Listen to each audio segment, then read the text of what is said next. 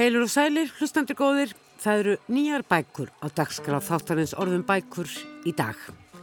Útgáfa ásins 2023 er nefnilega farin af stað um leið og enn býðabækur sem komu út á síðustu mánuðum liðins ás sem sannarlega er verðt að líta á. Eins og til dæmis fyrsta skáldsaga Brynjóls Þorstanssonar sem mögulega ber sérkennilegasta titilinn í flóru skáldsagna síðasta árs. En bókin heitir Snuð. Brynjólfur segir frá snuði í síðari hluta þáttar. Hér rétt á eftir eru hins vegar ljóð á dagskrá. Líklega varðla tíu dagar síðan að mátti í bókabúðum sjá fyrstu ljóðabók ársins 2023. Titill þar sem Malbyggið endar, höfundur Magnea Jóð Mattiastóttir sem á síðustu árum hefur verið mikil virk í þýðingum en átti á 8. og 9. áratug síðustu aldar aðtiklisverðan skáldferil.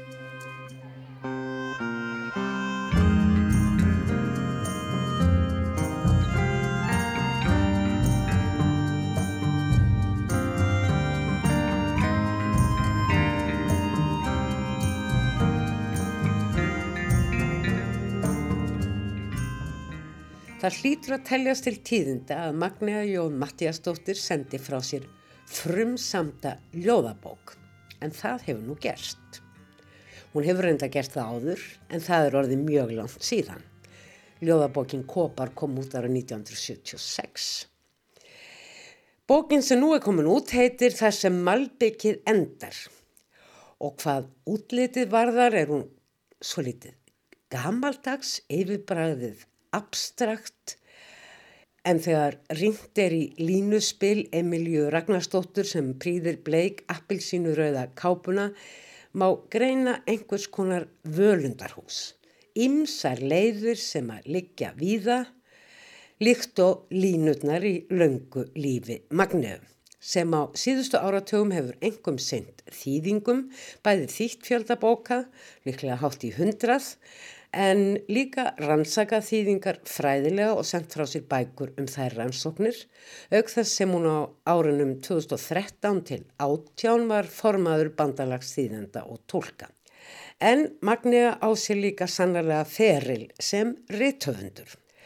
Þú varst fræg, held ég að mér sjó þetta að segja, á Íslandi Magnea, þegar þú árunum 1978 til 1981 sendir frá því skáldsögurnar Hægara pælt en kilt göturæsiskandidatarnir og sætir strákar.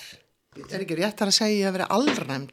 Ég man eftir úr bókadóman það talaði mig um að vera hispuslaus sem að þýðir að þýðir í best veit bara klæminn.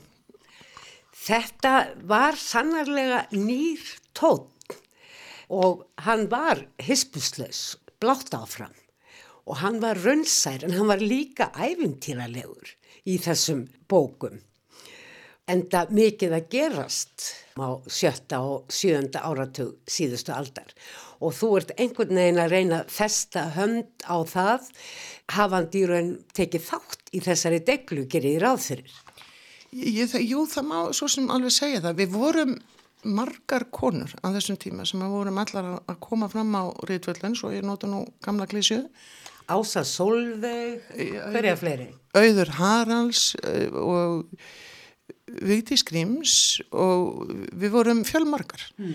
og þetta er svona partur af kannski einhverju hvenna, ég myndi nú ekki segja byltingun og óer þessa tíma, ég myndi að við kunnum ekki við hvernig við varum verið að skrifa um konur og, við vildum fá að skrifa sjálfar. Og við höfum allar alist meira að minna uppi það að eina röttin sem að maður heyrði í bókun var kalkins. Mm og ég held að ég sé ekki einu það að fyrstu sögurna sem ég skrifaði sem að ég nú byrti svo sem hverki þá var ég alltaf að skrifa fyrstu personu sem kallmaður Er það satt? Það er alveg satt. En þá var ég nú reyndar hérna tiltölu ung en þetta hafði ég lært. Mm. þetta voru bækurna sem ég var að lesa. Já Þú varst ekki fann að lesa Söfu eða Jakobínu á þeim tíma? Nei, þetta er svona, ég var frekar ung þegar þetta var. Úlingur kannski bara. En svo eru náttúrulega þær, eh, hetjurnar, þær eru það. og maður fann að lesa á, á öðrum tungumálum og, og, og hérna rekast á snillinga eins og Tóti Ítlesen og, og fleiri og fleiri og fleiri á, á á einsku og dönsku sem að ég blæst nú aðal á þeim tungumálum. Mm. Þannig að, að vittnesken um það að konur gætu skrifað um konur, hún, hún er þarna og við fundum hana. Hvernig gekk ykkur þannig mikið rætt um það núna hvernig ungum höfundum tekst að koma bókum sínum í útgáfu hvernig gekk það hjá þér á sínum tíma? Það sjálfsögur gekk það ágætlega hins vegar voru viðtökurnar stundum meira heldur en að maður gæti kynkt með góðum móti mm. Og, og ég var ekkert einum að lendi því þetta var hérna eh, við urðum allar fyrir þessu og svo mikið við töluðum um þetta í okkar hópi og maður var eiginlega orðin halv bara smeykur við að senda eitthvað frá sér. Bara hreinlega sko spyrja sjálf að segja er þetta þess veriði? Dóttur mér var og mín bæðbæðindar unga á þessum tíma. Ég passaði má að vera fyrst í síman til þess að, að hérna, hún fengi ekki guðsutna sem stundum koma út úr simtólunu og ég er eiginlega bara þakklátt fyrir að, að, að hérna, þessi samfélagsumræða var kannski meira í eldur svona heima hjá fólki heldur en, en, en hérna á Facebook eða e, kommentakerfum mm. eða eitthvað slíkt en mann man verður þá allavega hlýft við því og ég vona svo innilega að, að þessar ungu efnilegu og frábæru konur sem við eigum núna í rítvöndastjætt að það er slepp við þessi ósköp. Ég held nú að þessi tegund af gösum gegn konum í stjættinni að þær eigi ekki erendi og, og þær hljóta að skreifa einhverjum annarlegum kvötum. Ég held að það hljóti að vera fyrir bí.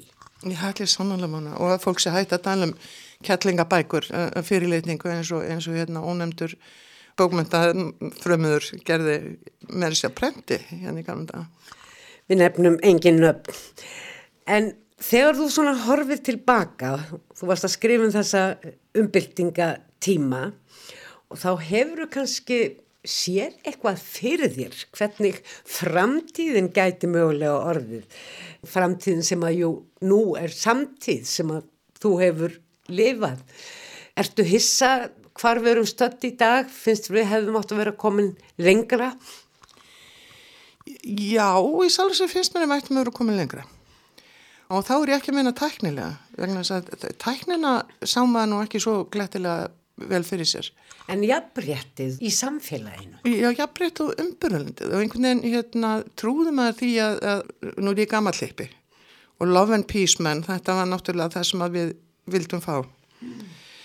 En við virkilega trúðum því og mín kynslu held ég bara nokkur veginn öll að við stemdum í þá átt, í átt jafnréttis og, og bræðralags eða, eða, eða sagt, meiri samkjöndar og svo kom alltaf þessi baksljóð því að maður verður alltaf að, að passa réttindi sínum, maður þarf alltaf að passa upp á jafnbrettið mm. og þetta er ekkit sem er sjálfgefið. Snúum okkur að þar sem malbyggið endar. Hvað tekur þar við? Manneskjan. Ég er náttúrulega borgabann og það sem ég yrkjum, það er ekki svo mikið út í náttúrunni, það er meira hérna náttúrunni hér inn í borginni mm. og náttúrunni í manneskjunum. Þetta eru 44 ljóð held ég að ég hafi talið rétt öll með teitli og þú ferð víða. Þetta er ekki kaplaskipt bók, samt hefur maður einhverja tilfinningu fyrir svona knippum, tríó í ljóða um ákveðna hluti.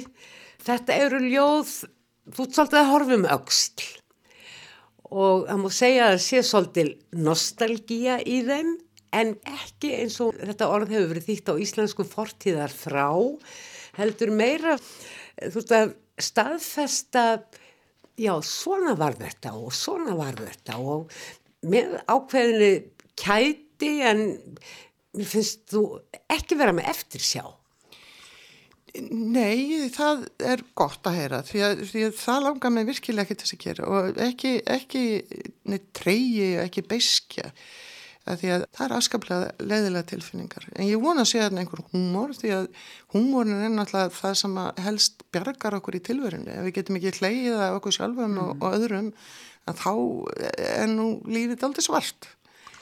Ég get fullvisaði um að það er heilmikill húmor í þessari bók. Þú byrjar á því að ávarpa samtíðina. Já, mér finnst það bara mjög eðlert upp að, en sko hvaða samtíð? Því að ég hef náttúrulega átt samtíð ásala oft í gegnum tíðina og bara alltaf í rauninni. Ég reyndi því ég setti fannlangsins ramman sem ég vildi vinna með. Þá tengist þetta nú kannski bara mínu lífslaupi og ég reyndi að fá uh, setja það svolítið upp í tengslum við árstíðir eins og lífslaup okkar gætnan er.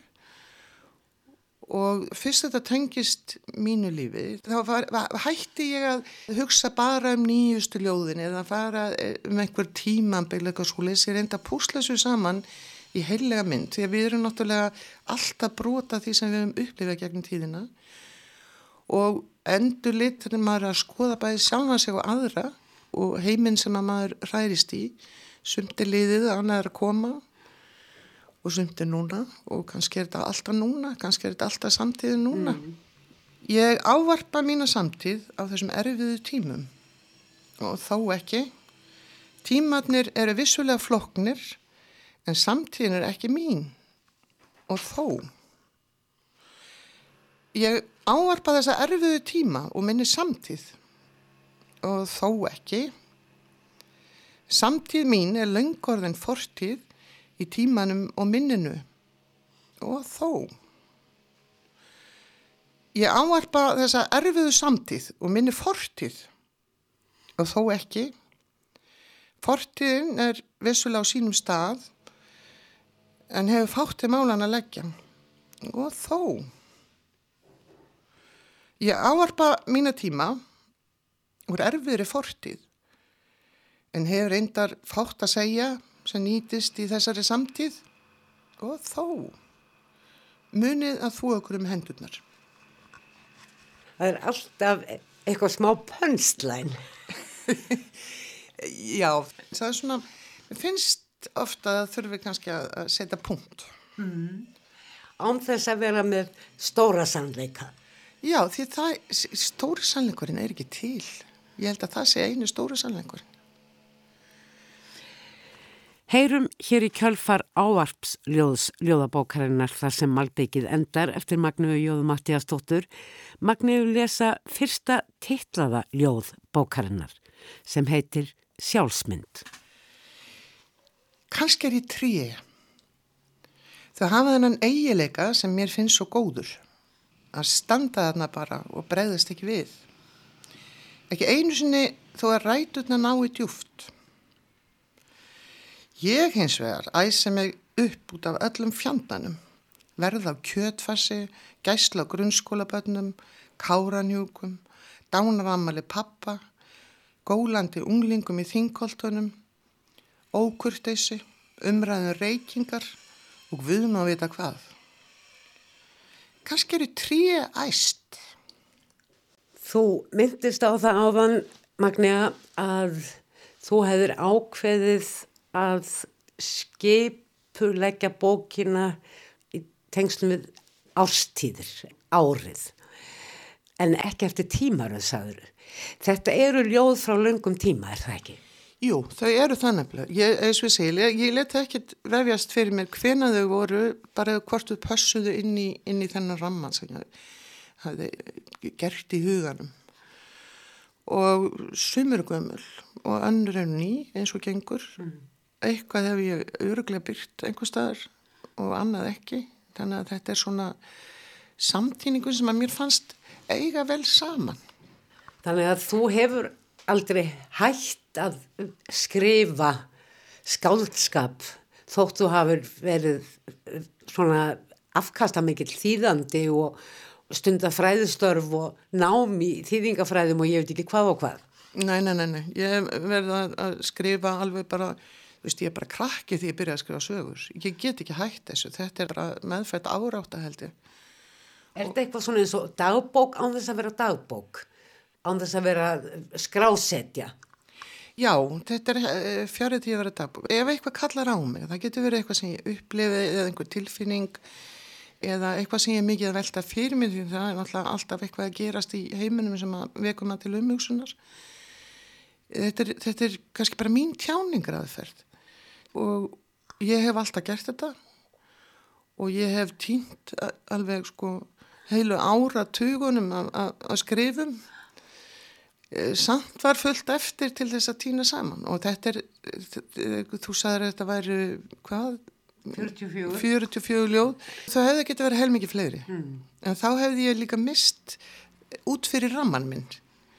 Þú segir þetta sé svona lífsmáti að skrifa, bregðast við, tjá sig með skrifum en þú hefur ekkert á síðustu áratögum ekkert mikið verið að senda það frá þér. Þú hefur byrt ljóð vissulega í blöðum og tímareitum ímsum En langt séðan þú gafst út bók, eh, ljóðabók, fyrir fáinum árum eh, sendur þú frá þér barnabók, jólasveinabók, ekki satt? Man og alveg hugsa fyrir fullarna og kannski meir fullarna. Okay. En ég var alltaf látið að lesa þetta fyrir börn sem að skildi ekkert hvað ég var að fara. en svona er þetta. En, nei, ég hef ekkert fundið hjá mér en að sterka kvöld til þess að, að gefa neitt út. En svo fór ég að hugsa ef ég gerir þetta ekki núna þá gerir ég þetta ekki. Þú ert svolítið úti í þessari bók. Talaður um ástíðir og uh, maður finnur kannski mest fyrir ástíðunum þegar maður er úti við. Þú ert að tala um sjóin, þú ert að tala um mikið um byggingar og svona þetta manngerða umhverfi og uh, já, einlega gleðjast yfir því þegar eitthvað minnir þig á eitthvað. Man þarf tengingar ekki sett maður, maður hérna hefur uh, tengingar upp að einhverju marki alltaf við, við umhverfið sitt? En svo þarf maður að það í samhengi og þar koma minningarna svolítið inn í. Þetta er samt ekki sko þetta er ekki upprifjun þetta er kannski meira líkingu við, við tríð að, að, að ég hafi einhverstað rætur og ég spretti upp af einhverju og svo er það svolítið svona þetta eru lífsrændljóð Ég menna ég er sjötug, skárra værið það nú. Og þau eru mörg fyrir svolítið laung, ég dett hér niður á að ég var að tala um þetta manngerða umhverfi. Það er skemmtilegt ljóð hérna í mörgu tilliti sem heitir skúrar. Ah, skúrarnir. Það er svona sumaljóð. Veitir ekki af. Svona er það þetta sumar. Skínmiðli skúra eða kannski halvrökkur og kattaraugu og njóli millir skúra þegar fáu sem eftir eru millir byggingakrana kannski bara skín millir byggingakrana svona sumar ekki bara þetta heldur mörg önnur. Með hálfa þjóðin á fjöllum hinn helmingin í útlandum og enginn hér nema auðvitað ferðamenn að taka sjálfur hjá nýmáluðum skúrum. Ekki þó millið þeirra. Ekki einu sinni þótt þessi nýmálaður og sjænaður upp, eins og grásleppu skúratnir á ægisíðu sem við vorum senda teikna ár eftir ár. Þeir myndrænu skökkur förlegu skúrar í teikniblokku minningana. Svona er þetta. Byggingakranarnir marka okkur torfarna leiðir millir ómálaðara blokka, sjæna valla upp njóla eða ketti og ráð ekki við húmið. Sjálf setjum við með trega blandin tár í augum og rifjum upp minninganum skúra í útlöndum eða fjöllum. Alltaf fara til fjandans, það fest, það fest, þótt glói vín á skál og þjóðskáldin svamliðar enn nálagt botni á eilífri leið til sumalansins. Svona er það og upp ber sprottin önnu kynsluð eins og njóli, okkur á óverum, teiknar gladbeitt byggingakrana, nennir ekki þessum fjandan skúrum, klappar köttunum, veipar í rökkrinu og skellir sér á fjall eða til útlanda í skínu og skúrum. Þetta er svona sumar. Er þetta ekki frekar í yngri kantinum, þetta ljóð? Þetta er til, tiltölunilegt. Þetta er hérna þetta eru barnabönnu mín ungar kynslaðu mm. sem ég gerir það kannski að verka með ég tek meir eftir ungu fólki í þessari bók þá ertu lík, ertu svolítið að fylgjast með sjálfur þér vaksa upp eða umhverfið vaksa upp með þér? Já, það má kannski til sannsvega færa. Þetta er svona svolítið sjálfskoðun og sjálfsmyndaskoðun mm. því að það, það er hafa nú breyst í gegnum tíðina líka. Sem betur fer er það ekki? Á svo lungun tíma? Já, drótti minn góður, jú. Ég, ég myndi ekki vilja setja upp með sömu sjálfsmyndu ég hafi því að 15. Eða að finna eitt gamalt að lókum? Á, hvað ætti það að vera? Hér er eitt gamalt. Vorbóðin loðni. Græn augu innum gluggan, innum óreina bakdinnar, græn augu innum gluggan. Svört kísa með flippa, malandi, og allt í einu var allt sprungið út. Manstu eftir þegar þú orðir þetta ljóð?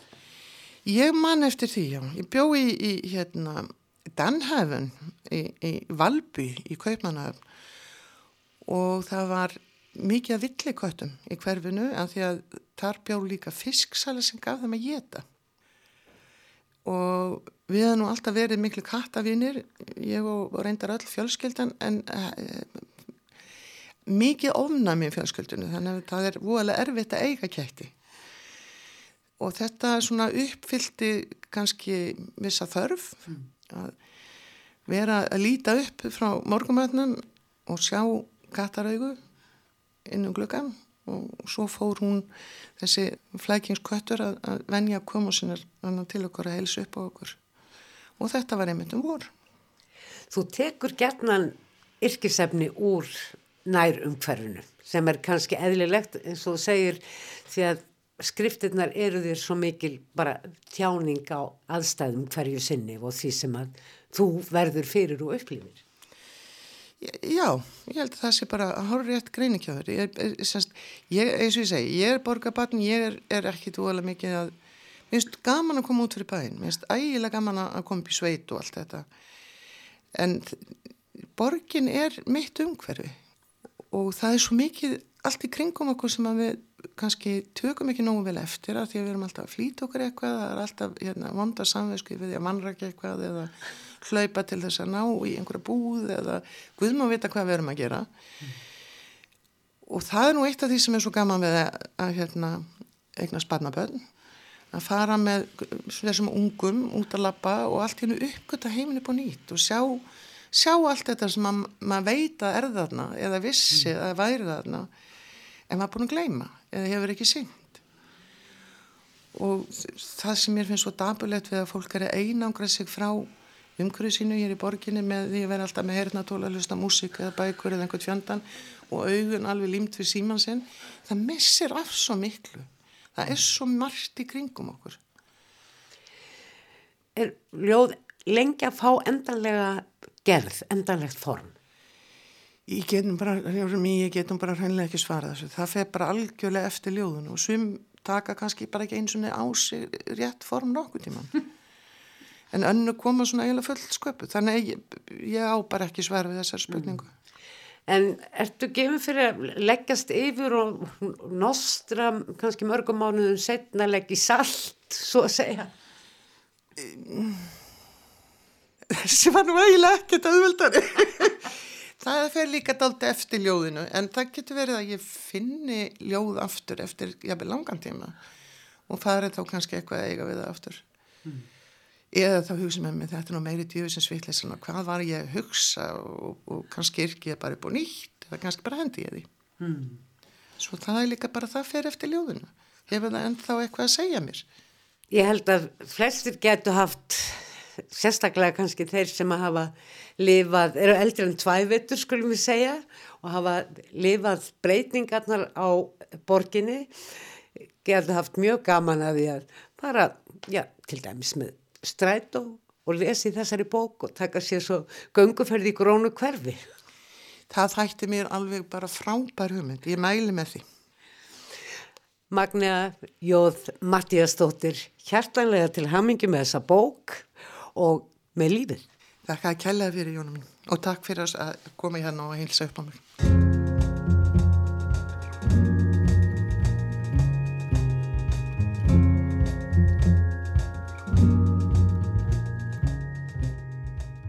Heil og sæl, Brynjólfur Þorsteinsson og til hamingu með þína fyrstu skáldsögu sem er óvenjuleg, afar þjætt einföld en um leið flókin.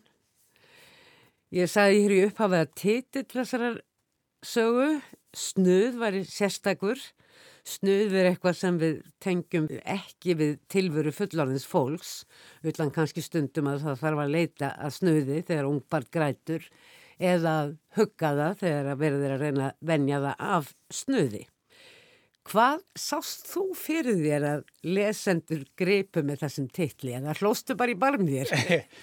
Já, ég gerir það náttúrulega en eh, snuði líka góð bara myndlíking fyrir sko öll þurfum við eitthvað svona, eitthvað verkfæri til þess að hérna, halda okkur gangandi í gegnum lífið sko. Eh, Einhverju verkfæri til að stilla heina dýfstu þrá? Já, algjörlega, til þess að friða tómið innra sko uh, og það, hérna, þau eru mörg snuðin í þessari bók sko, þó að það sé eitt svona í aðalhutverki.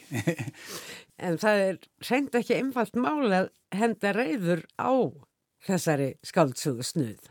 Hún gerist á ymsum stöðum á landinu í Reykjavík, á Kvolsvelli, Selfossi og Akranesi. Personur eru fjölmarkar þó sagan hverfist að mestu um hjónin Lárus og Þrúði og svon þeirra Nathan. Eginlegur sögutímir stuttur frá rismálum til miðaftans sama dag og öll þrjú hafa þau Nathan Lárus og Þrúður sínum verkefnum að sinna. Lárus er að hefja störf hjá almanna tengsla tækni fyrirtækinu S-löstnum sem sérhefi sig í þrá og lungunum manneskunar og sínist mér að verksvið Lárusar sé að þróa eða taka þátt í þróun veruleika hermis sem verðist mögulega hafa farið úr böndunum þarna hjá fyrirtækinu. Einkonar Lárustar Þrúður er hins veru að leiða á prestastefnu á Akranesi. Hún er mentaður djákni, reyndar atvinnulegs, enda fór hún í Guðfræðin á mig fyrst og fremst til að komast í bots í eigin trúar upplifun frá mentaskóla árunum sem endaði með ofbeldi og fleiri ósköpum sem hafiði viðtæk áhrif á líðanar. Nathan, sonur þeirra hjónir, hins vegar staðröðan í að verða tannlæknur og til að undirbúa þann feril sannfærir hann yngstu bekkinga í skólanum sínum að láta af hendi barnatennur sem þau missa, aðtæfi sem að gefur ákveðnum bekkjafélugum hans ástæðu til að njóstnum hann og beita hann ofbeldu og jafnvel útskúfa. Í sögunir í aðgrendum köplum þar sem til skiptist segir frá því sem gerist í lífi þessara þryggja persona tíðan dag og nöðsynlegar tengingar við ímislegt í lífið þeirra þanga til í bensku og uppverksti. Þetta eru stutturkablar að þjætt riðnir og bera nöfn viðegandi persóna og svona þeirra megin ták.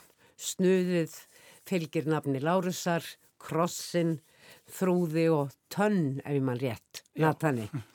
Já, það var um Þúrtís Erla Sóvika sem að hannaði táknin og þau eru einna framann á bókinu líka. Já, einmitt. Þetta er mjög svona, áhuga að vera bók að sjá út undan sér. Einmitt. En svo er ímsar aðrar personur sem koma við sögu þennan dag sem að líka fá sína kabla. Þannig að sjónarhornin á atbyrðarásina eða atbyrðarásirnar í flertölu eru all mörg en allar enda þær í rauninni með ofbeldi það eru einhverjir kýldur kaldir. Já. En allt hefst þetta sem að daginn sem að Lárus fer í nýju vinnuna, þetta mikla fyrirtæki sem staðsett er, já, einhverstað í svínarhönni, allavega hann er stutt á litlu kaffestofuna og hann gleymir snuðinu heima. Voru þessar aðstæður, fyrstu ólíkindin sem að þú lestir þetta í hug í sambandi við þessa sögu, eða hvernig var þú nefnir höfu til? Sko, hún var til í rauninni bara í einhverju gríni, sko. Það byrjaði bara sem brandari í rauninni á Twitter. Uh, uh, bara mjög ómerkilegu brandari, sko. það væri svo leiðilegt að vera komin allar leið í vinnuna og, og fatta að maður gleymi snuðin í snu heima. Uh, en ég sá eitthvað í þessu og bara tók skynda ákvörðun um að, um að, hérna, um að gera hún svo skálsu. Þannig ég byrjaði bara þar og leiði bara brandarinn um að leiða mig svona í innstu myrkur, einhvern veginn. Mm. Þannig að, já. Varstu þá fljótlega með þessar, uh, þessar kjarnafjölskyldu? Já, uh, í rauninni sko. Nathan kom einhvern veginn að sjálfu sér uh, og ég var með þá reglu að... Stráklingurinn. Já, strákurinn sko sem að hérna er að sapna tönnum og ég var með þá reglu við skrifin sko, hann, hann hérna, að þýrst að skrifa all, allan í, alla kaplan hans í, í einni setur sko, bara í einni bunnu, uh, annars virkuðu þeir ekki fannst mér, þannig að ég var Mm. lengi að ná honum rétt fannst mér og þrúður sko uppálega ætlaði ég að rannsaka uh, ég hef hérna svolítið óþólka hvort að væmunum prestum og ég ætlaði Já. bara að skoða það í, í, í Ég var ekki erfitt með að Nei. þetta. Eh, og ég ætlaði bara að skoða það í, í hérna heilli skaldsögu en, og það endaði í þrúði sko, sem er nú ekki sérstaklega væminn reyndar. Þeir kaplar snúast aldrei mikið um viðbröð við, einmitt, væmni viðbröð við tilgerð, hvers konar og þeir eru kannski svona það sem mest er ringt í samfélagi. Þetta er mjög samfélagsgagrinn bók í heldina. Já, hún er það sko, já. það er svona ákveðin, ákveðið óþól í henni sko, gagvart eh, bara heinu þessum valdastruktúrum og, og bara, bara raunveruleikanum sem hérna fyrirbæri.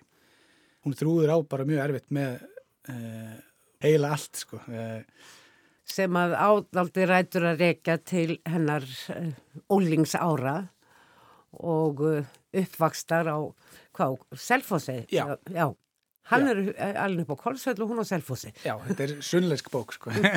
Er þú sjálfur ættaður að þessum slóðum? Ég er frá, hérna, ég er frá Kolsvelli já og fór í FSU á, á Selfossi eins og hún trúður sko, þannig að ég, ég hef reynslað þessu.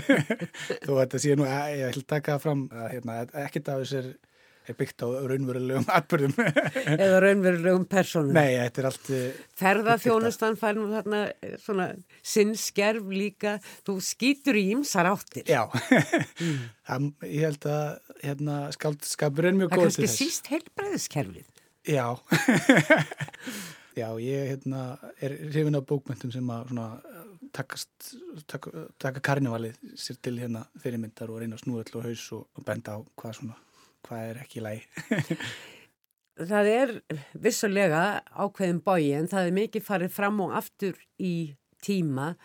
Það er að segja nútíminn er svona nokkur veginn í, í tímaröð en svo er hoppað aftur og bak og fram í uh, fortíð personana, Já. einhverjum Lárusar og, og Þrúðar og foreldra þeirra. Einmitt. Ég er reynd að hafa þetta í svona ákveðnu, ákveðnu bara vitundaflæði sko og leiði bara textanum að leiða mig áfram í, í því hvernig þetta færi allt saman fram innan dagsins sko og, og svona reynd að útskýra persónuna bara eftir því sem leiða á daginn sko.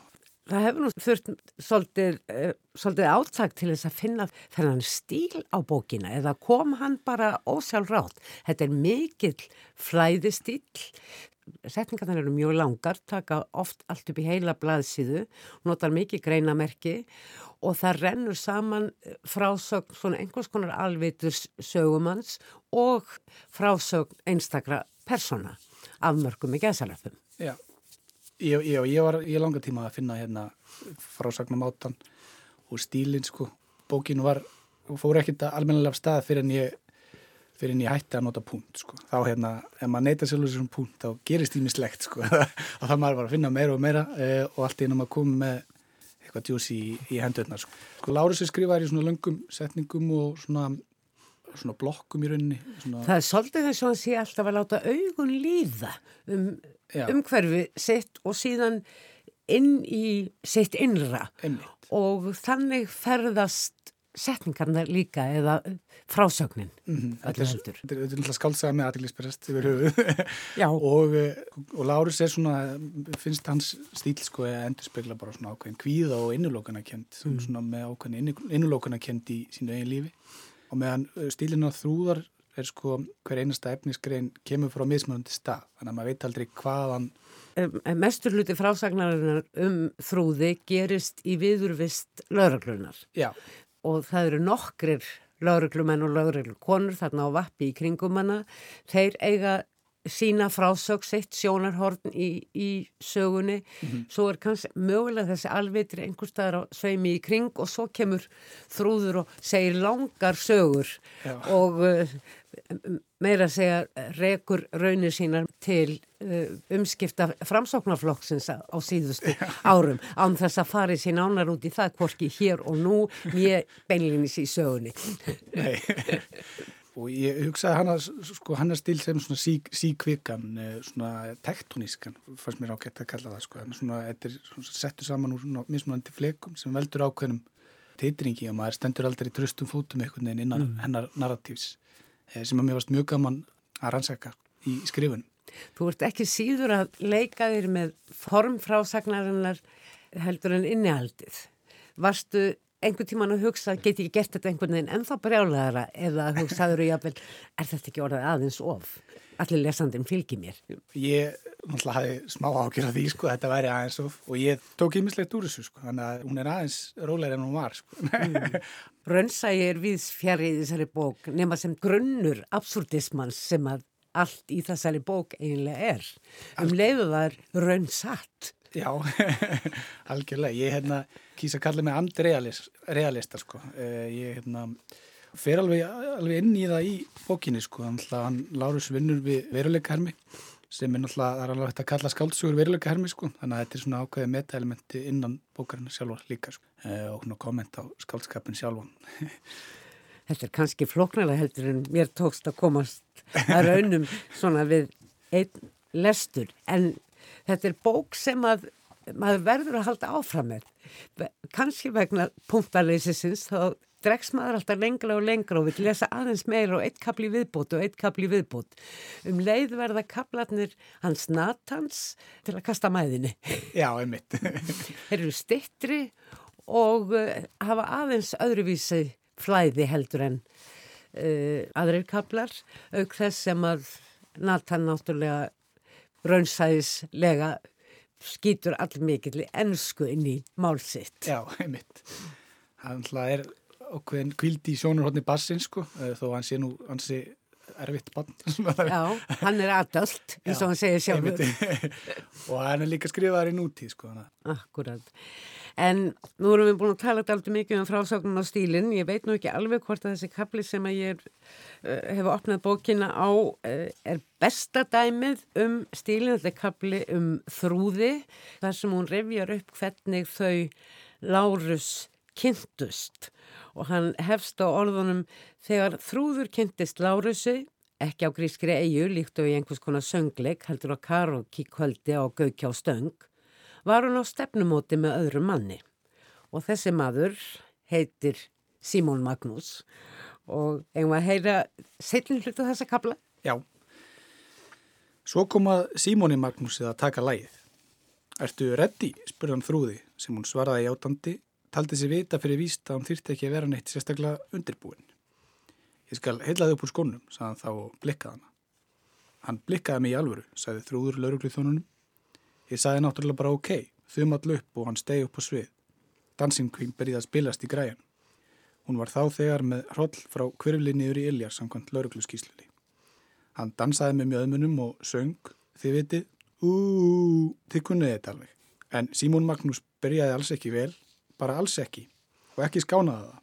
Þvert að móti, hann bent á mig og meðan hann, já, gólaði er kannski réttast að segja. Það er erfitt að lýsa þessi orðum. Og ég er enda brosa við þessum láta látum en mest af öllu langaði mig að yfirgefa líkamá minn. Skyndilega, upp úr þurru, stökk maður upp á svið, úlpuklættur. Hann byrtist bara þarna allt í einu, eins og þrjum ára heiðskýru lofti og kildi Símón Magnús í magan af krafti, svo hann misti andan í mikrofónin og fjall á nýjan í andköfum. Maðurinn stökk jafn snögt niður á sviðinu aftur og þrúður sá glitta í augnsveipin. Það hefði djúbstæði áhrif á hana. Ég sá glitta í skildleika. Ekki skiljiði, ekki ættartengsl. Ég sá ekki að þetta veri frændi minn í augnsveipnum eða eitthvað þannig, en tengingu, djúpa samsend. Þessi maður var ekki ólíkur mér innra, hann hefði komist í kynni við sama Guð og ég, á sama hátt. Þrúður sá ég augum mannsinn sem kildi Símón Magnús í magan og gaukjur stöng að hún var ekki jafn rópandi aðlein og hún hafði áður haldið. Hún stóð upp úr sætu sínu, tók í höndans og leitt hann út. Þessi maður var Lárus. Nýjum mánuðum síðar egnuðust við Natan. Og þar með gætt þeirra samlíf hafist. Varstu fljótur að skrifa þessa bók? Um, það tók mig smá tíma sko, kannski 2,5 ára eða eitthvað, bara svona kannski hefðbundin tíma. sko þegar ég fann leiðina sko þá kom þetta svolítið fljótt sko þegar ég fann frásagnamátan var komið með personunar í hendurnar sko það fór þetta að renna fljótt sko mm. En svo fá ymsar personur sem að koma mjög lítið við sögu líka sína kapla, það er svo Theodora nágrannakonan og uh, Haraldur kennari Já, og fleiri. Einmitt. Það er svona, þá fáum við ákveði sjónarhóttn á, á þessa fjölskyldum meðlumi sem að svona, maður fengi ekki annars og svo er þetta, já, eins og ég sagði, skaldsaga með aðtæklisprest, þannig að hún fer bara í það eins og hún, hún ræður þessu alveg, sko. Þurftur að skera mikið niður, myndist á það á þann? Já, ég, svona, ég þurfti aðeins að temja þetta. En röðurinn á köflunum, þetta er svolítið eins og speklasalur. Já, algjörlega. Jú, það tók mjög tíma að ná þessu, ná þessu rétt, sko. Serðu þessa bók í eh, einhverju svona samhengi við bókmyndasögun og svona bækur sem eru skrifað svona brjálæðislega bók? Áttuður einhverja fyrirmyndir? Já, það eru, það voru nokkra fyrirmyndir í, sem að ég svona notaði í, snuðu, sko, kannski uh, fyrst og fremst uh, Viljum Folkner, hann skrifaði bók sem heitir Semilá fyrir döðan, sem flakkar svona milli fjölskyldum mm. Uh, svo er maður sem heitir Laszlo Krasnhorkæ, sem er ungverskur hann skrifar í svona lungum setningum sem að hérna, breytuðu lífið mínu bara bókstarlega sko.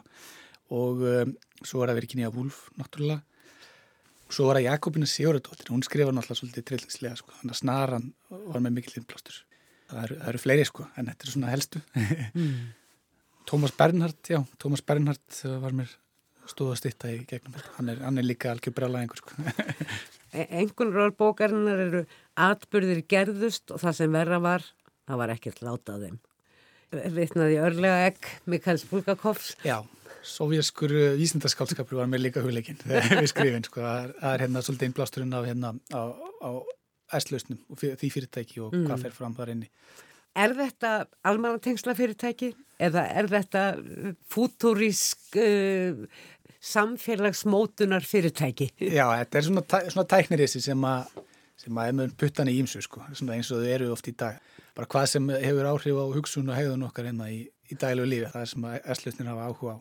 Þú stökst aldrei fullskapaður fram fyrir hvað, uh, þremur árum, árið 2019 með uh, ljóðabók, þetta er ekki bílastæði. Já eftir að hafa unni ljóðstaf Jónsúr Vör sendir svo árið síðar frá þér aðra ljóðabók ertu, ertu komin að rétt að hillu hér í skálsögunni? Já, ég vona það sko. Þetta var alltaf meiningin sko. Ég vissi ekki að ég væri ljóðskáld fyrir en ég vann enn staf sko, eh, ég haf ekki humtu það. Þú varst aðalega að skrifa prósa svona í reillistinni til dæmis. Já, en, eh, en ljóðlistin hérna, hún kláraði þetta fyrir mig sko, ég skrifa allt öru í þessi fyrir og eftir hérna, mm. fyrir og eftir ljóðin, ljóðin sko, og komin að stað með næstu? Ég er svona að reyna að byrja, já, ég kom með eina efniskarinn, er það ekki bara fín byrjun? það skildi ég ætla. Brynjólfur Þorstensson, bestu þakkir og til hamingjumustuð, þetta er skemmtileg bók. Þegar ég sá þig þegar þú komst hingað á þann að þá fór ég bara strax að skelli hlæja og það var bara út af bókinu þú varst ekki sérlega að finna þar sem þú stóðst hann í andir út af sósins Takk hjálpa fyrir Fleiri verða orðum bækur ekki að þessu sinni. Teknimaður þessa þáttar var Jóanna Varsíka. Takk fyrir að hlusta, verði sæl